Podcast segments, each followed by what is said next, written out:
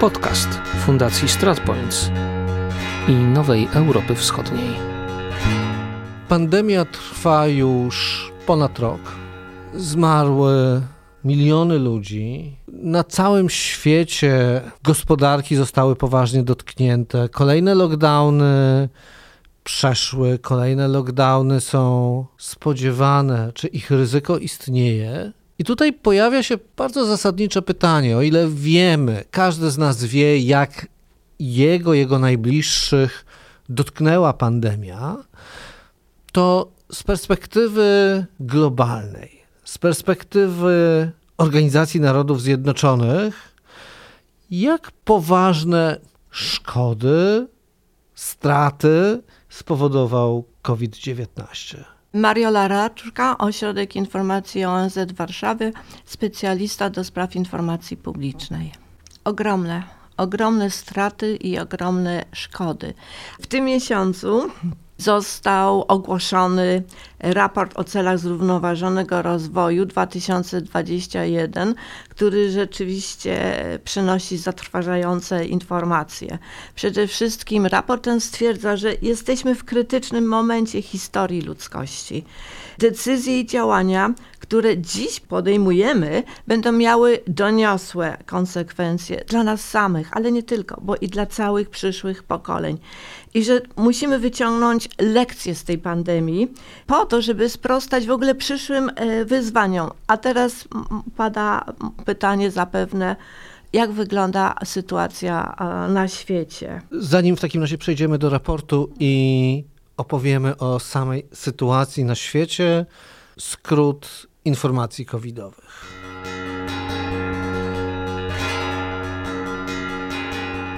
Ponad milion sto tysięcy dzieci na całym świecie utraciło opiekuna prawnego czy zostało osieroconych z powodu pandemii COVID-19. Raport na ten temat opublikowała organizacja Save the Children w magazynie Lancet. Autorzy raportu podkreślają, że rządy i organizacje pozarządowe muszą chronić te dzieci przed głodem i wykorzystywaniem. Pandemia zniszczyła dekady pracy włożonej w ochronę dzieci. Miliony rodzin pogrążają się w ubóstwie, co powoduje wzrost liczby dzieci niedożywionych. Janti Soripto, prezeska Save the Children, podkreśla, że pozbawione opiekunów dzieci są w szczególnym niebezpieczeństwie. Jej zdaniem pandemia uderzyła w edukację setek milionów dzieci. Wiele z nich może już nigdy do szkoły nie wrócić. W tej sytuacji dzieci są zmuszane do pracy, a dziewczynki do wczesnego wyjścia za mąż. Świat jest na początku kolejnej fali zarażeń i śmierci z powodu koronawirusa, twierdzi Tedros Adhanom, dyrektor generalny Światowej Organizacji Zdrowia. Szef WHO apeluje do krajów bogatych o dzielenie się szczepionkami i sfinansowanie zwiększenia ich produkcji. Jego zdaniem brak solidarności i dzielenia się szczepionkami, testami i lekami jest przyczyną tworzenia się pandemii dwóch prędkości. Kraje bogate, których obywatele są szczepieni, otwierają się, natomiast inne państwa przeżywają kolejne lockdowny. Według szefa WHO brak równego dostępu do szczepionek jest niesprawiedliwością, jest niemoralny, ale także szkodliwy z przyczyn epidemiologicznych i gospodarczych. Zdaniem szefa WHO pandemia jest sprawdzianem, którego świat nie zdaje. Zaznaczył, że 75% wszystkich podanych szczepionek, czyli ponad 3,5 miliarda, wykonano zaledwie w 10 krajach.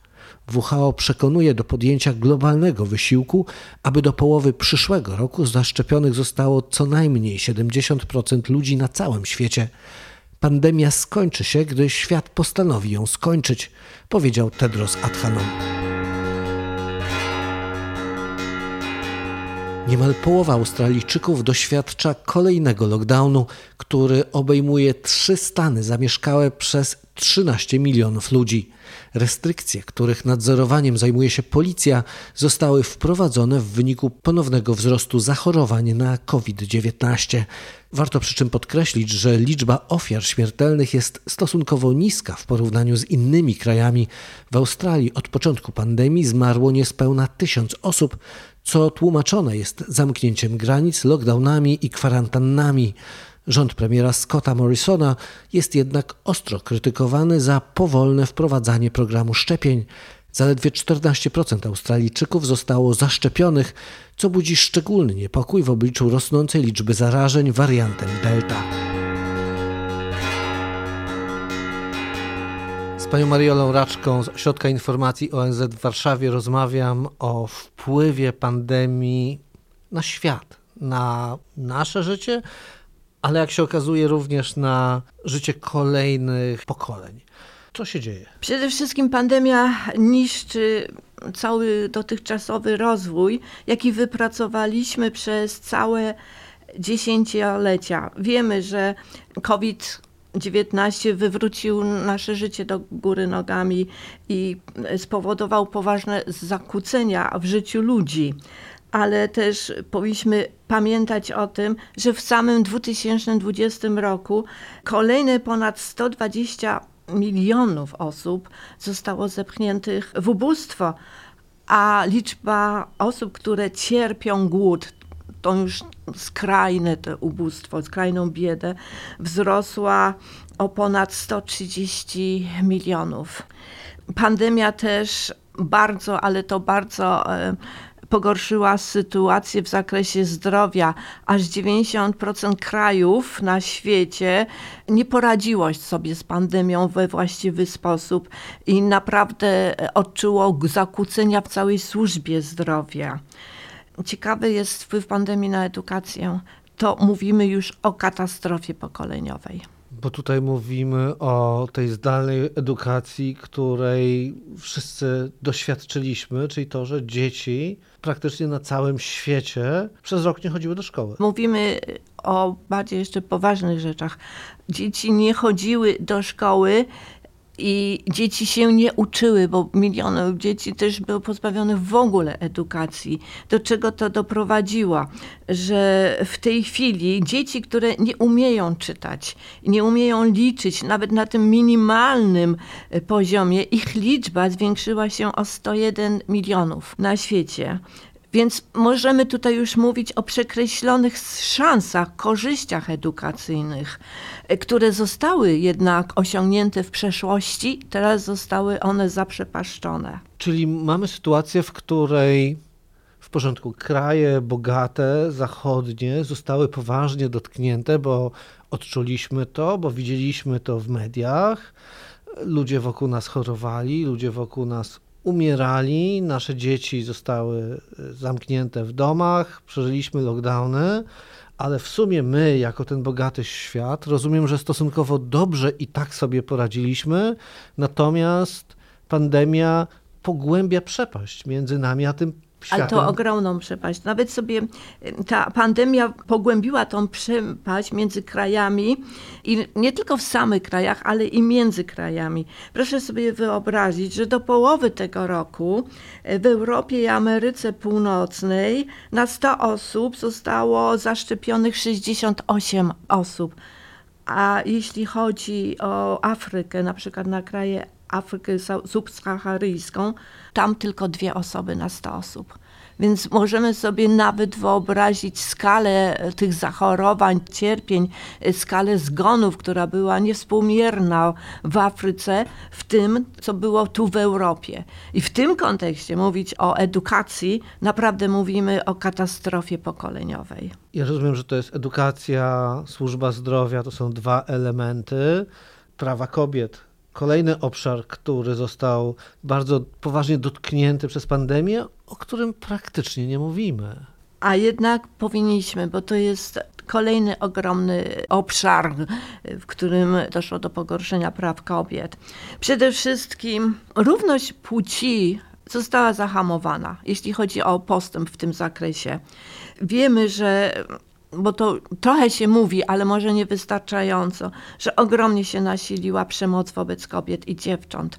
Nasiliła się, ponieważ kobiety utraciły pracę i to znacznie więcej kobiet utraciło pracę e, niż mężczyzn. I kobiety zostały obarczone nieodpłatną pracą opiekuńczą w domu. To kobiety musiały zostać w domu, to kobiety musiały się zająć dziećmi, które nie mogły chodzić do szkoły, to kobiety musiały się zająć osobami starszymi i tymi osobami, które zachorowały w rodzinie. I następny taki obszar, którym się pogorszyło to wszystko, to też o tym w Polsce może jest nieznany problem, ale na świecie mm, jest. To jest wzrosła liczba małżeństw dzieci i ona wzrasta, czyli młode dziewczęta w wieku 12-15 lat są zmuszone do, do małżeństw, a jeżeli są zmuszone do małżeństwa, to one automatycznie już przestają chodzić do szkoły, mają zupełnie inne obowiązki, są wykorzystywane seksualnie, muszą dzieci, rodzić dzieci.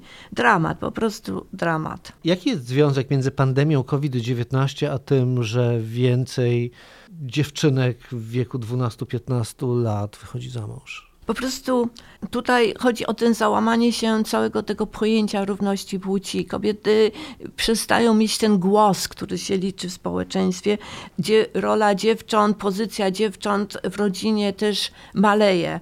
I to jest też właśnie związane i z tym właśnie przymusem do małżeństw, nawet z przemocą jest to związane.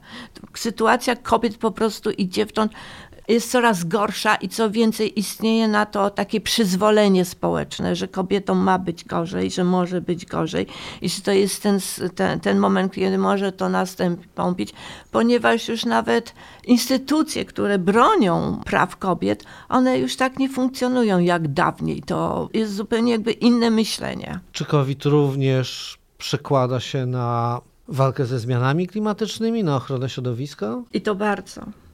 I to bardzo. COVID w ogóle spowodował spowolnienie gospodarcze.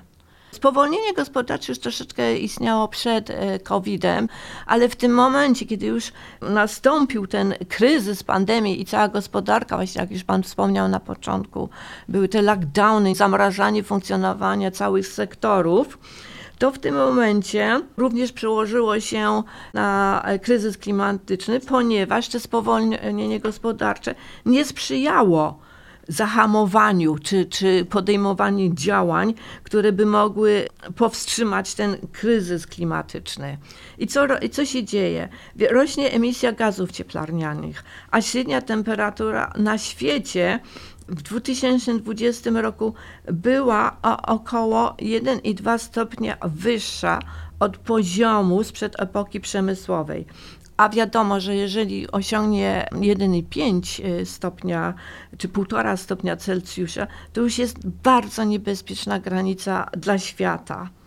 I jest takie postanowienie w postanowieniu paryskim, które mówi, że absolutnie musimy zrobić wszystko, żeby ta temperatura nie wzrosła, zatrzymała się lub była niższa od 1,5 stopnia Celsjusza. Co w takim razie świat ten dostatni, bogaty mógł zrobić? Bo COVID dotknął wszystkich. Społeczeństwa zostały pozamykane, ludzie walczyli o życie.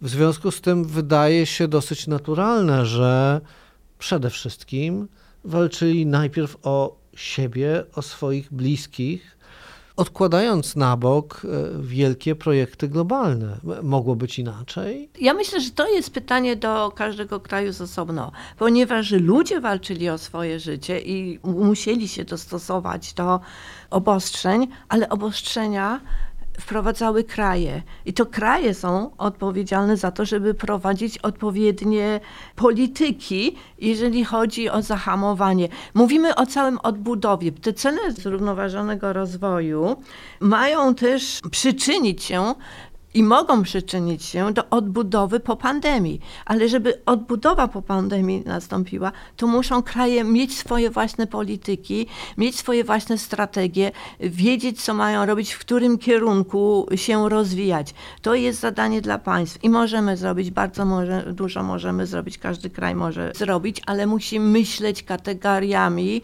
odbudowy kraju po COVID-zie. Odbudowy kraju? Czy gospodarki odbudowy... kraju, w ogóle całego systemu społecznego, odbudowy społeczeństwa po COVID-zie, bo pandemia od nas nie odejdzie. Ona będzie się powtarzać e, co jakiś czas. Mówimy o, o nowych falach, więc musimy mieć jakieś wytyczne. Muszą być ścieżki rozwoju. Cele zrównoważonego rozwoju mówią, co można zrobić, ale musimy naprawdę nad tym się zastanowić i zacząć to realizować tak, żeby społeczeństwa, żeby gospodarka, żeby kraje stały się odporne na zmiany klimatyczne. Tymczasem to, co widzimy, to jest e, nie tyle, mam wrażenie, zjednoczenie się społeczności międzynarodowej wokół wspólnego działania i myślenia o przyszłości, co partykularne interesy, co wojny informacyjne, przerzucanie się odpowiedzialnością za pandemię, za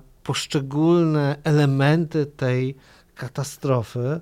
Czy gdzieś jakieś światełko na końcu tego tunelu pani widzi? Myślę, że, że jest światełko, ale że, że to akurat, że się kraje obwiniają siebie, to będzie trwało. To jest, to jest inna kwestia. Niech sobie wyjaśniają, jak do pandemii doszło, to jest za to winien i tak dalej.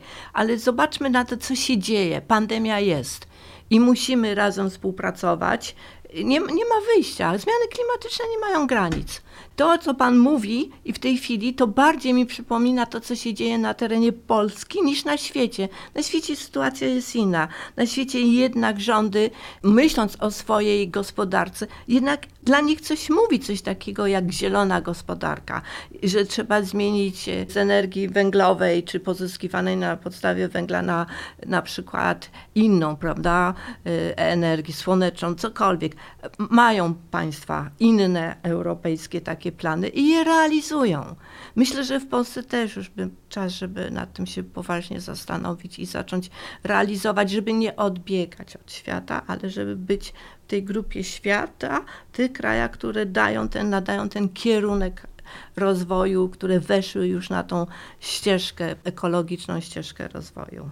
I czy taki sam ruch globalny myślenia całościowego widzi Pani wokół COVID-u, wychodzenia z pandemii? Podobne głosy zaczynają się To jest odzywać? to samo.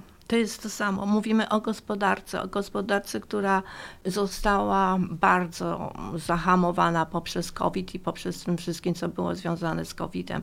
Nie ma już teraz powrotu do tego, które było przed przeszłości. Zobaczmy COVID, zobaczmy zmiany klimatyczne, zobaczmy, co się dzieje w Niemczech, te powodzi. Nie ma po prostu innej ścieżki niż, niż ścieżki takiej pro, ścieżki, która pozwoli nam zwalczyć kryzys klimatyczny i dobrze się rozwijać jeżeli nasza temperatura wzrośnie bardziej niż 1,5 stopnia Celsjusza, będzie mieć duże problemy, świat będzie miał duże problemy, a nasze e, pokolenie, przyszłe pokolenia zostaną pozbawione tak, tak zwanego zrównoważonego rozwoju, nie będą mogły się w ten sposób rozwijać.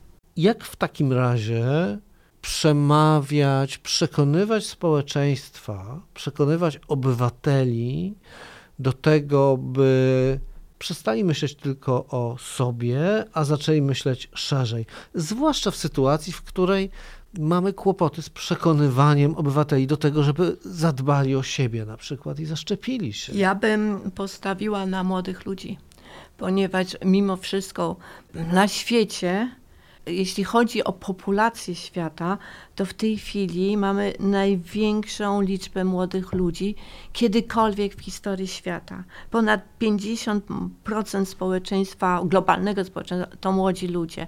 I w tej chwili, jeżeli my sobie nie pokonamy, nie pokonamy tego, tych, tych kryzysów, bo i pandemia, i kryzys klimatyczny, młodzi ludzie nie będą mieć szansy na, na, do, na dobrobyt i na dobry w ogóle takie dobre życie.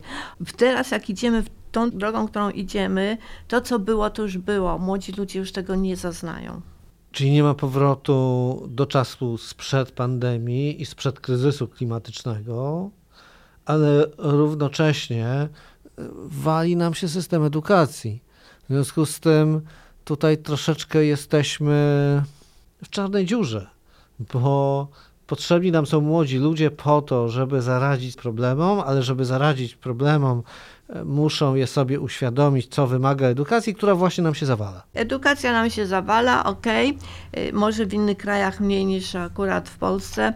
Y, tam mimo wszystko młodzi ludzie mają większą świadomość, mają tą edukację o zmianach klimatycznych, o celach zrównoważonego rozwoju, o tym w szkołach, uczą się na uniwersytetach, są z tego egzaminy i naprawdę wiedzą, co ich czeka i domagają się zmian. I to jest właśnie ten cały sens. Młodzi ludzie muszą się domagać zmian, bo stracą ziemię ziemię, nie będą mieli gdzie żyć po prostu. A jak ta ziemia będzie taka, planeta jeśli będzie taka, to będzie wypalona, pełna katastrof i w tym momencie możemy zapytać, dać słynne pytanie, jak żyć? Czy to, o czym pani w tej chwili mówi, o tej świadomości, gotowości do zmian, e, dotyczy krajów tych bogatych, rozwiniętych, e, czy również wspominała pani o Afryce subsaharyjskiej, w tych krajach, gdzie na przykład rodzi się niesłychanie dużo ludzi. Mamy ogromny przyrost naturalny i pogłębiającą się de facto biedę. I kryzys chociażby głodu w rogu Afryki, w Afryce Wschodniej. Czy ta świadomość, czy te działania, o których mówimy, również tam są podejmowane przez tamte rządy i, i, i społeczeństwa? Ja bym powiedziała to w ten sposób. Może te działania nie są podejmowane na takim wysokim stopniu, na takim stopniu wystarczającym. O tym też mówi raport. Mówi, że absolutnie zwiększają się długi między w ogóle państwami, ale tutaj mówimy o odpowiedzialności krajów rozwiniętych żeby pomagać tym krajom rozwijającym się wejść na ścieżce. Raport też o tym mówi, że musimy sobie pomagać, ponieważ zjawiska nie mają, nie znają granic. I teraz proszę sobie zobaczyć, co się dzieje w Afryce. Tam, gdzie rzeczywiście już nie da się żyć. Zaczynają być walki o ziemię ludzie zaczynają migrować, uciekać z tamtych terenów, bo nie ma żywności, bo nie ma wody. Jak żyć bez żywności i bez wody? Ludzie uciekają, zaczynają się migracje. Te migracje trwają, one będą się nasilać. I będziemy mieć coraz więcej migrantów tutaj i w Europie, i, i w innych częściach świata, ponieważ ludzie muszą żyć i muszą walczyć o swoje życie. Wracając do koronawirusa, czy pojawiły się zjawiska migracji covidowych, czy jeszcze przynajmniej nie? Ja bym powiedziała, że covidowe może same w sobie nie, ale na pewno klimatyczne. Ale pamiętajmy, że COVID wpływa na to, że te zjawiska klimatyczne się pogłębiają, w tym sensie, że upada gospodarka.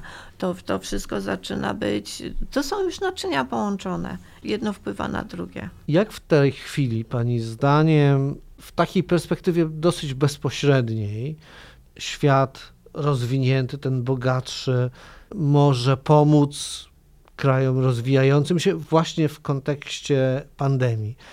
Oferować szczepienia to jest pierwsza i bezpośrednia rzecz? Tak, na pewno I, i istnieje w ogóle taka akcja, ona się nazywa COVAX, która polega na tym, że kraje rozwinięte udostępniają szczepionki krajom rozwijających się po to, żeby były one szczepione. To jest jedno, ale też trzeba pamiętać, że tutaj akcja jest potrzebna również ta, e, te działania gospodarcze. Kraje rozwinięte muszą pomóc krajom rozwijającym się, zwłaszcza tych najbiedniejszych, krajom wyspiarskim, które są bardzo e, dotknięte przez zmiany klimatyczne. Muszą im pomóc przystosowaniu się i nabrania tej odporności, budowy tej odporności na zmiany klimatyczne. Kraje rozwijające się same sobie z tym nie poradzą. Tu musi być te działania, te działania międzynarodowe. Bardzo często kryzysy, gwałtowne załamania są impulsem do zmian, które potem z perspektywy czasu mogą mimo wszystko okazać się pozytywne. To znaczy, spróbujmy w tej bardzo trudnej i tragicznej sytuacji znaleźć tę pełną połowę szklanki. To znaczy, co mogłoby się wydarzyć, albo może co zaczyna się dziać, co spowodowałoby, że mimo wszystko COVID, tragedia pandemiczna popchnęła do przodu jakieś zmiany, które mimo wszystko w długiej perspektywie okażą się korzystne. Nie, że pandemia okaże się korzystna, ale że wykorzystamy tę energię, która się pojawiła do tego, żeby nie pozostać w obecnej, no, dosyć depresyjnej rzeczywistości. Myślę, że tutaj najważniejsze w tej kwestii to, to jest taki zmiana świadomości przeciętnego nawet człowieka. Ludzie, którzy doświadczają zmian klimatycznych, już przestają zaprzeczać, że one nie następują, skoro je czuje na własnej skórze. Chociażby te ostatnie powodzi w Niemczech, w Holandii, w Belgii. One po prostu następują, czy nam się podoba, czy nie. to, że edukacja, że COVID zdalne nauczanie wymusił, zdalną pracę wymusił, już wiadomo, że wcale nie musimy wszyscy siedzieć w biurach, żeby pracować. Można w inny sposób pracować. Te zmiany klimatyczne też zmobilizowały młodych ludzi na całym świecie. Są akcje klimatyczne i strajki klimatyczne i młodzi ludzie domagają się zmian, bo chcą żyć, żyć w przyszłości w normalnym świecie, a nie na zniszczonej planecie.